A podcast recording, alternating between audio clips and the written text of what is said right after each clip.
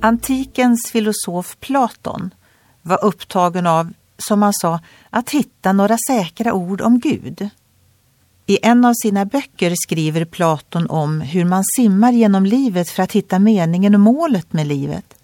Men, säger han, vi har en ranglig planka att stödja oss mot när vi simmar. Då skulle det ha varit helt annorlunda om man kunde segla genom livet på vad som kallas Guds egen röst, veta om den och känna den.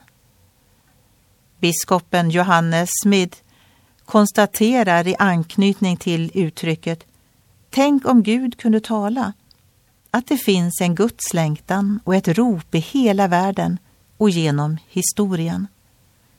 Alla som tror på Kristus har genom honom fått höra Guds egen röst.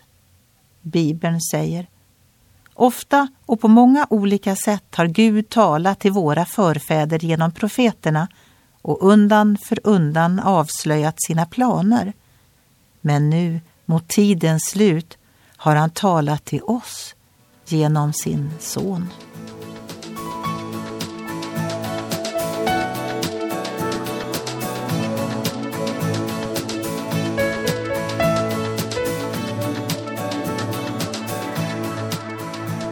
Ögonblick med Gud producerat av Marianne Källgren, Noria Sverige.